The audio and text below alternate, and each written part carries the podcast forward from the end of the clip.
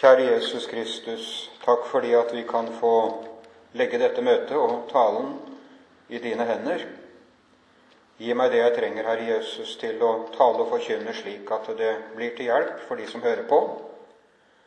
At vi må få møte deg gjennom ordet igjen og få trøst, kunnskap, kanskje også tukt, Herre Jesus, ut fra hva du ser vi trenger. Takk, Herre Jesus, for din ufattelige og uendelige kjærlighet til oss. Takk at du som er Gud ifra evighet av, steg inn i denne verden for å ta på deg alle våre synder, alt skittent og ondt, og bære det bort, Herre Jesus, sone og betale det. Og takk at du har gjort det der fullkomment, slik at vi, Herre Jesus, kan få leve i fredens forhold til Gud under nåden og velsignelsen. Be om at vi må få se inn i det i kveld. Amen.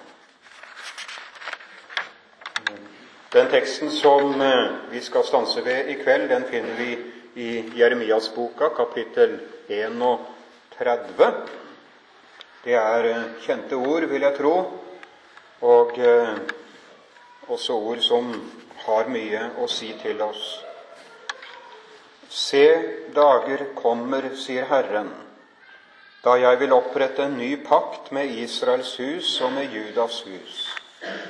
Den skal ikke være som den pakten jeg opprettet med deres fedre på den dagen da jeg tok dem ved hånden og førte dem ut av landet Egypt, den pakten med meg som de brøt, enda jeg var deres ektemann, sier Herren. Men dette er den pakten jeg vil opprette med Israels hus etter de dager, sier Herren. Jeg vil gi min lov i deres sinn og skrive den i deres hjerte. Jeg vil være deres Gud, og de skal være mitt folk. De skal ikke lenger lære hver sin neste og hver sin bror å si:" Kjenn Herren, for de skal alle kjenne meg, både små og store, sier Herren, for jeg vil forlate deres misgjerning og ikke lenger minnes deres synd. Amen. En kan jo begynne med å stille spørsmålet hvem det er disse ordene er rettet til. Og eh, vi kan jo i grunnen svare at dette er et ord som Gud vil skal nå frem til alle mennesker.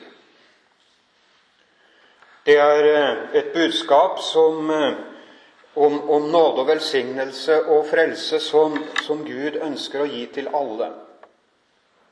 Men samtidig så adresseres det spesielt inn til israelsfolket. Det er til et folk som har kommet inn i en situasjon der hvor, hvor de har, har kjørt seg fast, kan vi godt si. Det er et folk som Gud anklager for å ha brutt den pakten han opprettet med dem. Og det som sies til israelsfolket i denne situasjonen, og det budskapet som kommer frem og er adressert til dem en gang for lenge siden, det har også noe å si til oss. Eh, hvis vi leser i Det nye testamentet fra Efeserbrevet f.eks., så ser vi at alle løftene som angår frelsen og det evige livet, det er ikke bare gitt til israelsfolket, men det er også gitt til oss hedninger. For det er jo hedninger vi er, hvis en skal bruke det ordet på en riktig måte. Det står i Efeserbrevet kapittel 3, vers 3-6. Ved åpenbaring har Han kunngjort for meg mysteriet, skriver Paulus, slik jeg ovenfor har skrevet med få ord når dere leser det, vil dere kjenne min innsikt i Kristusmysteriet. Det var ikke i tidligere tidsaldre gjort kjent for menneskenes barn, slik det nå er blitt åpenbart for Hans hellige apostler og profeter ved Ånden, at hedningene er medarvinger.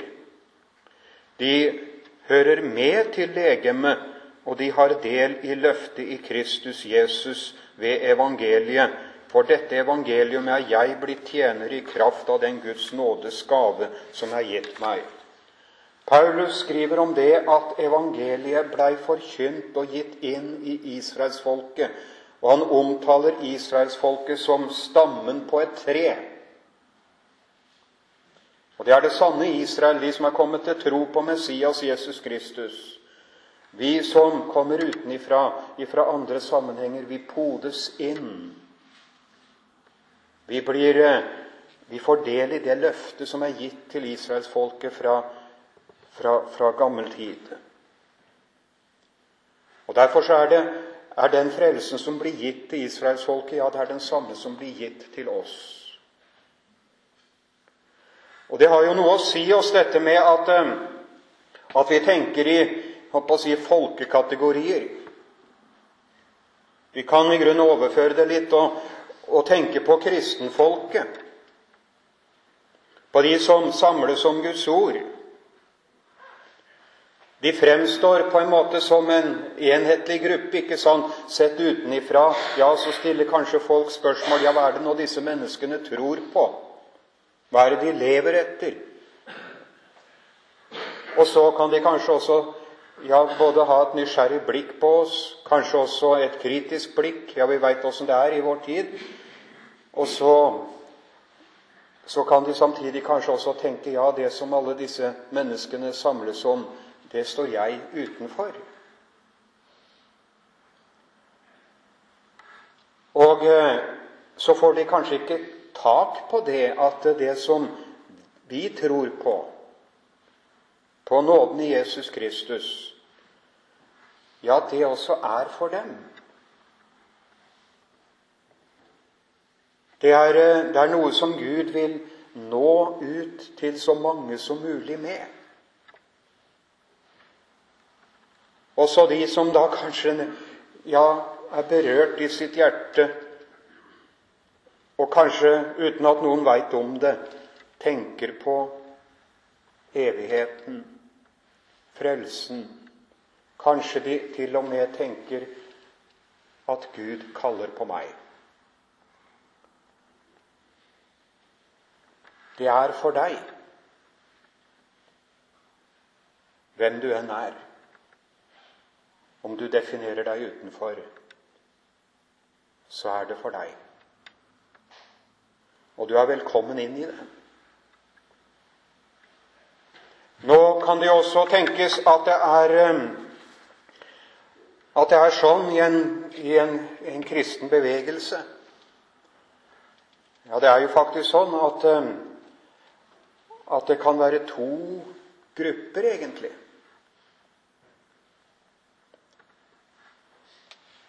Luther skrev jo om det, at uh, Guds folk, eller slik Kirken, at den består både av sanne troende og av hyklere. sånn. Og uh, det har jo blitt gjentatt opp gjennom historien at det går an også å være med i, i den kristne forsamling uten å ha det rett med Gud. Og det er eh, kanskje litt sjokkerende å høre, men Skriften legger ikke skjul på det. At det kan være, at det kan være et skille også i en kristen forsamling. Ja, det er ikke, det er ikke opp til oss å, si, å si hvem som hører til innafor eller utenfor, nødvendigvis. Det er Gud som kjenner hjertene, sier vi. Men likevel så, så bør det sies noe som, som kan hjelpe den enkelte til å få klarhet i sitt forhold. Og eh, den teksten vi har lest, syns jeg kanskje gir oss litt hjelp til det. Vi hørte vel at de sang her 'Min bakgrunn er Golgata kors'. Ja, det er hele grunnlaget for min tro. Det er Golgata kors. Men det kan jo tenkes at en baserer sin tro og sin frelse på andre ting, dypest sett. Her begynner apostelen med å skrive Unnskyld, profeten han, det begynner med, med følgende ord. Og det er, det er ord ifra Herren. Jeg vil opprette en ny pakt med Israels hus og med Judas hus. En ny pakt. Det er jo en merkelig måte å Eller et merkelig ord, ikke sant? Pakt, hva er det for noe? Han fortsetter med å si den skal ikke være som den pakten jeg opprettet med deres fedre den dagen da jeg tok dem ved hånden og førte dem ut av landet Egypt, den pakten med meg som de brøt. Enda jeg var deres ektemann, sier Herren. Han taler om en pakt som er annerledes enn den, den første pakten. Og vi kan jo si det, en pakt er jo en overenskomst mellom to parter. Det er en avtale, en formalisert avtale mellom to parter. Og vil tro de fleste her de er klar over hvilke pakter det dreier seg om. Det snakkes om Sinai-pakten, ikke sant? Og frelsespakten i Jesus Kristus. Sinai-pakten, den pakten som eh, Gud sluttet med israelsfolket da, da han førte dem ut av Egypten, da han ga dem lovens tavler, ikke sant, skrevet på stentavler. Der var de ti bud. Den pakten maktet de ikke å holde. Og det er ingen mennesker som blir frelst ved den pakten. Likevel er det mange som på en eller annen måte lever i den. Og jeg tror at det er noe vi kanskje kan tenke litt på. Kanskje man ikke har helt klarhet i det der. Og så og kanskje dette bibelordet spesielt taler til en type mennesker som, som faktisk tar sin kristendom veldig alvorlig, men som likevel befinner seg i lovpakten.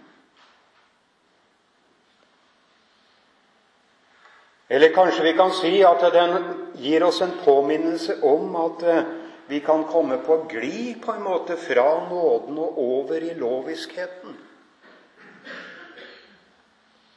Jeg tror at uh, vi lever i en tid Ja, det er jo i grunnen ganske åpenbart da vi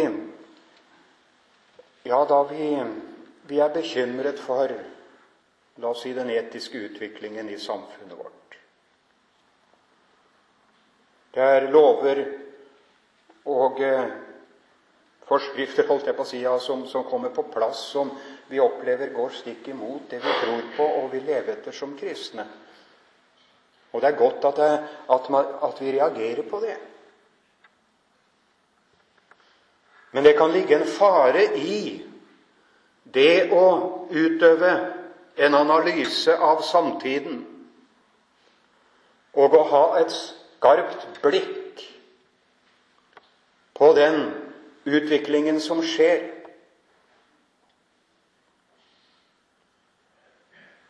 Vi kan eh, måle vår samtid og våre medmennesker på loven. Og etter hvert så kan det kanskje bevege seg til det at vi, vi på en måte vi, retter loven imot Ja, den kaster et lys over vår samtid. Og det tror jeg den, den, den gjør jo det. Men så kan det kanskje skje at loven og budene og Guds ord ikke får gjort det den skulle med meg. Det er klart, hvis du leser Romerbrevet kapittel 2, så, så bruker jo Paulus noen ganske skarpe ord overfor den gruppen han tilhørte før han ble en kristen, nemlig fariseerne. Han sier om seg selv, den godeste Paulus, 'Jeg var ulastelig etter loven'. Jeg levde fullstendig etter det som budene foreskrev. Ingen kunne ta meg på noe. Han var, holdt jeg på å si, kanskje et av de mest holdt på å si, flotte, eller mest utprega dydsmønster som noen, noensinne har levd. Men all hans lovoppfyllelse var drevet av et nidkjærhet og en ondskap som manglet sidestykke. Jeg forfulgte Guds menighet, skriver Paulus. Og han stiller det spørsmålet Du som lærer en annen, lærer du deg selv? Du som forkynner at en ikke skal stjele, stjeler du? Du som sier at en ikke skal drive hor, driver du hor? Og du som har avsky for avgudene, raner du templene deres. Ja, vi lever i en tid hvor det er mye som skjer. Og det blir voldsomt, ikke sant, når, når det kommer avsløringer, som vi sier. Det er eh, du som roser deg av loven, skriver Paulus videre, vanærer Gud ved å bryte loven. Ja, hva er det som skjer når eh, kristne mennesker glemmer å la budene tale til seg selv?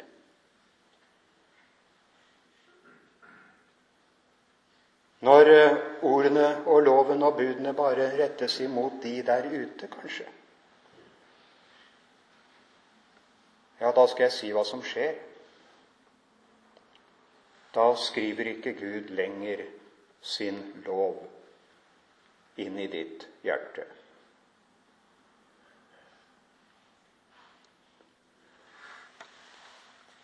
Hvis vi leser i Skriften, så ser det ut til at eh, at det, vi kan skille mellom to måter å leve etter loven på.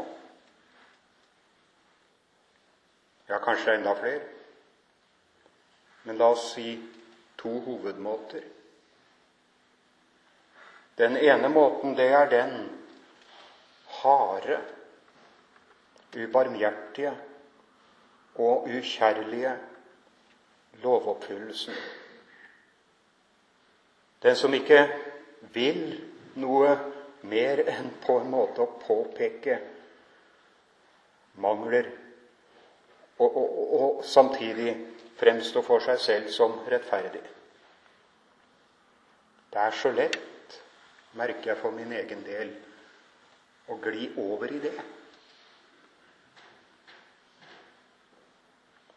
Og så følges det av det vi kaller selvrettferdighet. Vi sammenligner oss med andre, og så på en måte holder vi mål. Og så man, blir man fort fanget av den tanken ja, da er det vel i orden med meg og Gud. Ja, hvorfor det? Jo, jeg er innafor. Det er lovpakten. Det er det som kan føre til at ja, du må passe deg. ikke sant? Ja, hva er det jeg bygger min frelse på? Hva er det som er bakgrunnen for det hele? Har jeg på en måte kommet Har jeg blitt så opptatt av det jeg skal være selv, og av å bruke loven på hopp å si alle andre, slik at den ikke rammer meg selv?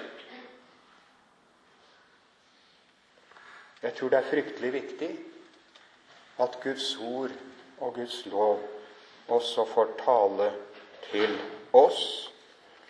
Det står i Hebrebrevet 4,12.: Guds ord er levende og virksomt og skarpere enn noe tveegget sverd.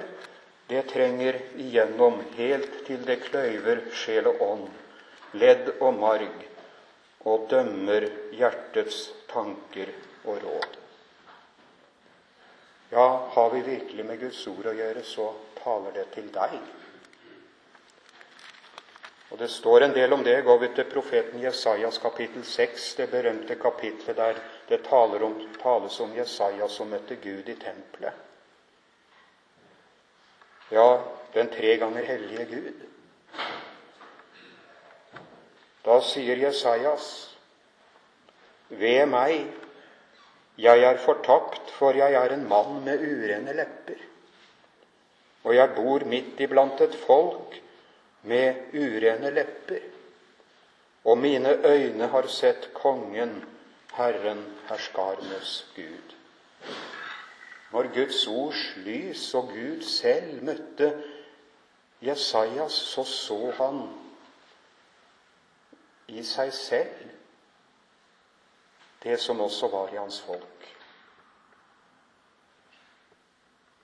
Jeg bor i midt iblant et folk med urene lepper, og jeg har selv urene lepper. Vi blir preget av det.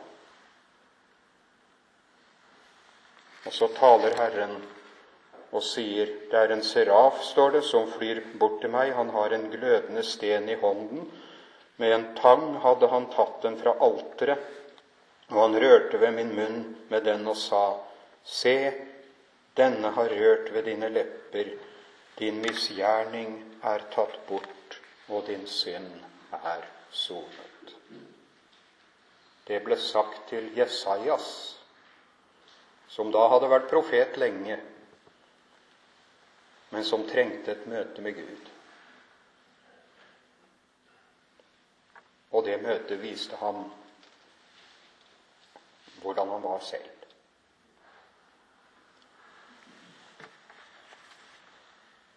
Gud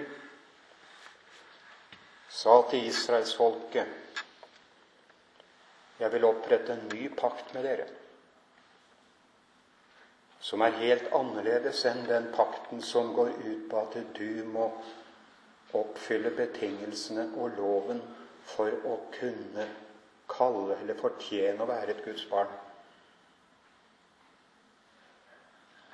Gud vil opprette en pakt som ikke er av den karakter som Sinai-pakten var det, der, der vi må yte for å oppnå. Han oppretter pakten med som vi kaller nådepakten.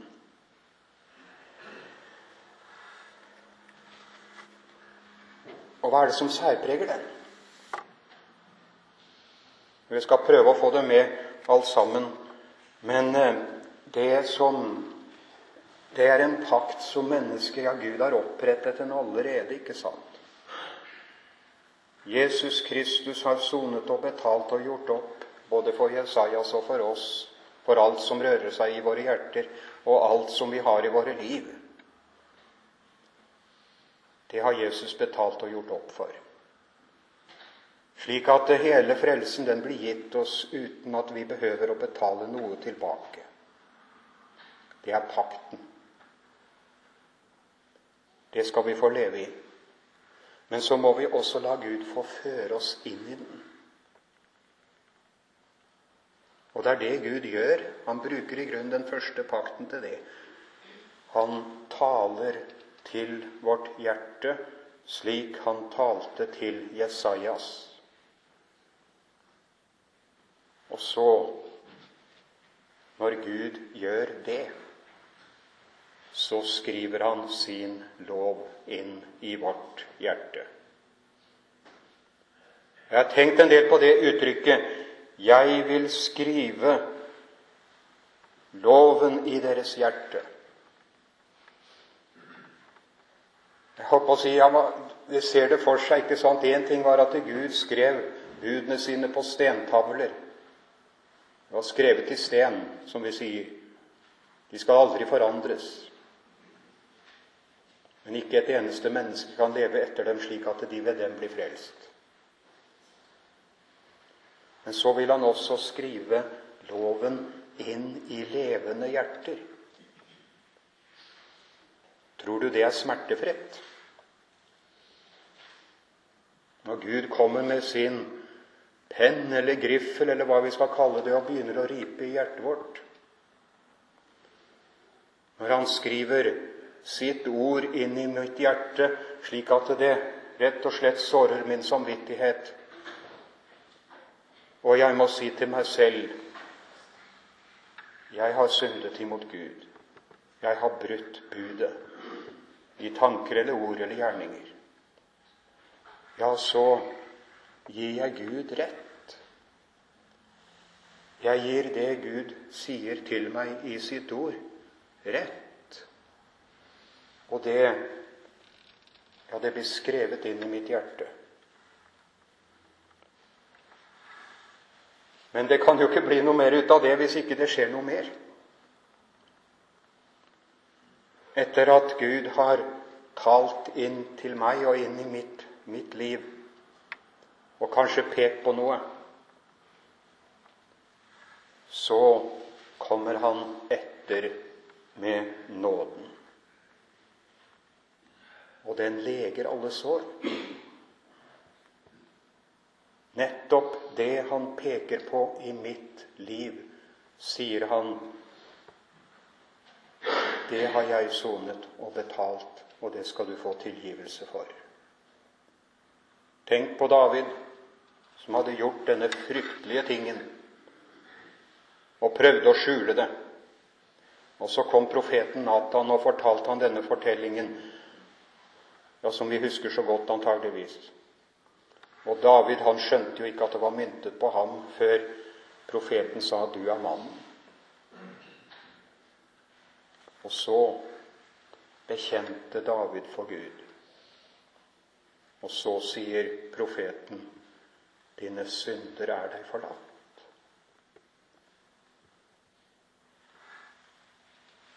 Det er pakten. Den nye pakten.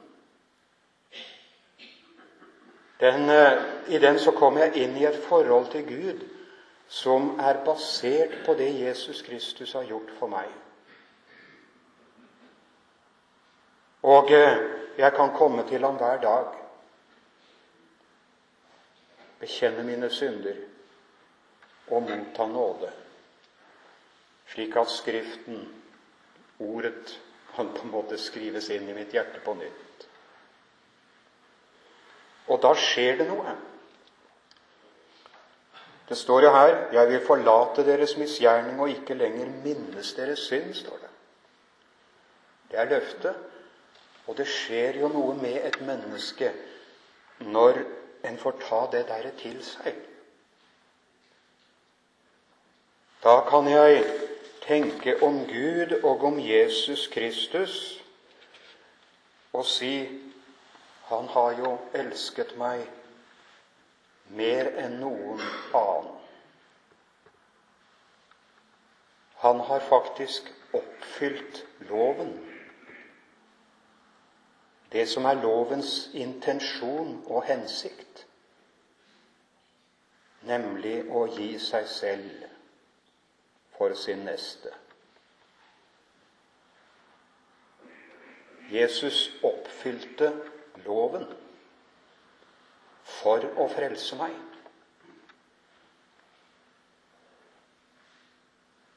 Og derfor, Det skriver også Luther om i en tale der han taler om eh, Jesus som rir inn på eselfolen. Der skriver han først så kommer Jesus til deg med sin gave. Den har han betalt og og betalt alt som var nødvendig, slik at han gir den til deg. Det er en gave. Det er frelsens gave. Han kommer for å sone dine synder, og han oppfyller loven ved å gjøre det. Og så skriver Luther videre når han har gitt deg gaven, slik at du kan si til deg selv og til Gud 'Nå er jeg fri'. Nå er det ikke lenger noe som kan fordømme meg, sånn som det står i Romerne 8. Fins ingen fordømmelse for den som er i Kristus Jesus. Ja, nå parafraserer jeg selvfølgelig litt, men det er Luthers anliggende. Når Han har gitt deg gaven, og den er fullkommen og fri, og du står i dette nye forhold til Gud, da gir Jesus seg selv til deg som forbilde.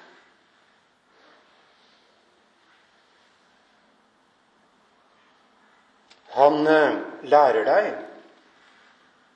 hvordan du skal leve etter loven. Jeg sa det er to måter å leve etter loven på. Det er den harde, kalde, kjærlighetsløse, som vi så fort kan bli grepet av. Og så er det den kjærlige lovoppfyllelsen. Det der må vi merke oss.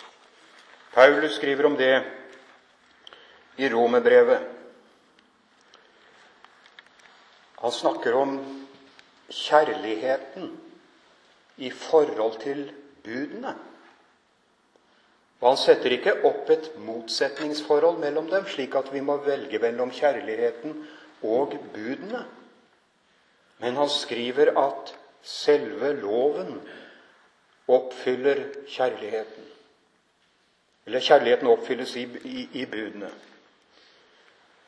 Blir ingen noe skyldig annet enn det å elske hverandre, for den som elsker sin neste, har oppfylt loven. Ja, det var det Jesus gjorde. Du og jeg, vi er hans neste. Og han kom, og han betalte vår gjeld, og han gjorde alt som var nødvendig for å frelse oss. I så måte er han også et forbilde. Loven, budene, skal ha mitt medmenneske som siktepunkt. Jeg kan aldri gjøre det for mitt medmenneske som Jesus har gjort for meg, men allikevel så skal jeg få lov å ha Han som forbilde i min lovoppfyllelse. Budene skal tjene mitt medmenneske.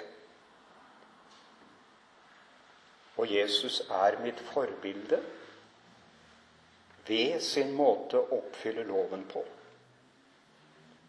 Så jeg kan lære noe av hvordan jeg skal møte mine medmennesker, og hvordan jeg skal velge å, å leve etter budene ved å lese om hvordan Jesus møttes med mennesker.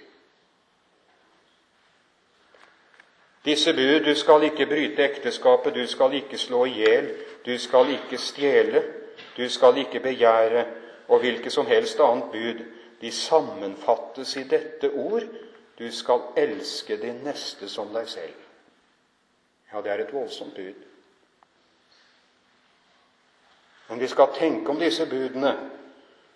Ikke bryte ekteskapet, ikke slå i hjel, ikke stjele osv ut ifra det at dette er, de skal oppfylles på den måten at det er i kjærlighet til mitt medmenneske. Ikke for at jeg skal bli lagt merke til eller bli stor eller glitre, men jeg skal leve i forhold til mine medmennesker slik at det blir til det gode for dem.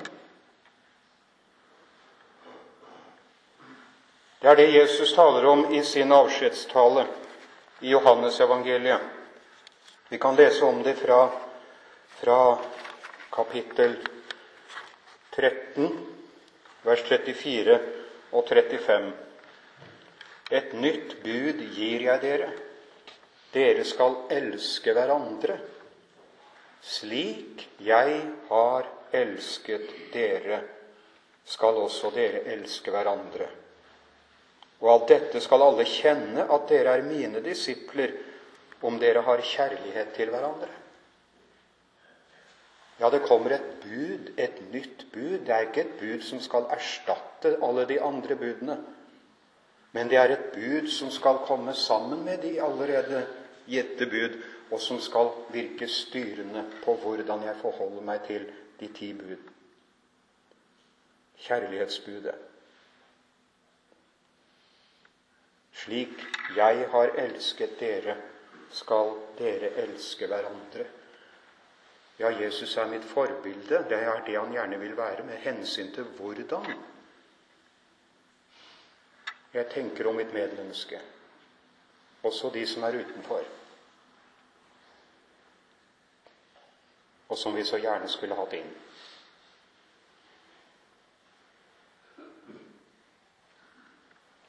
møte dem på en slik måte at de skjønner at, at det er Jesu kjærlighet som driver. Jesus taler også om det, fortsetter å tale om det i Johannes 14, eh, 21.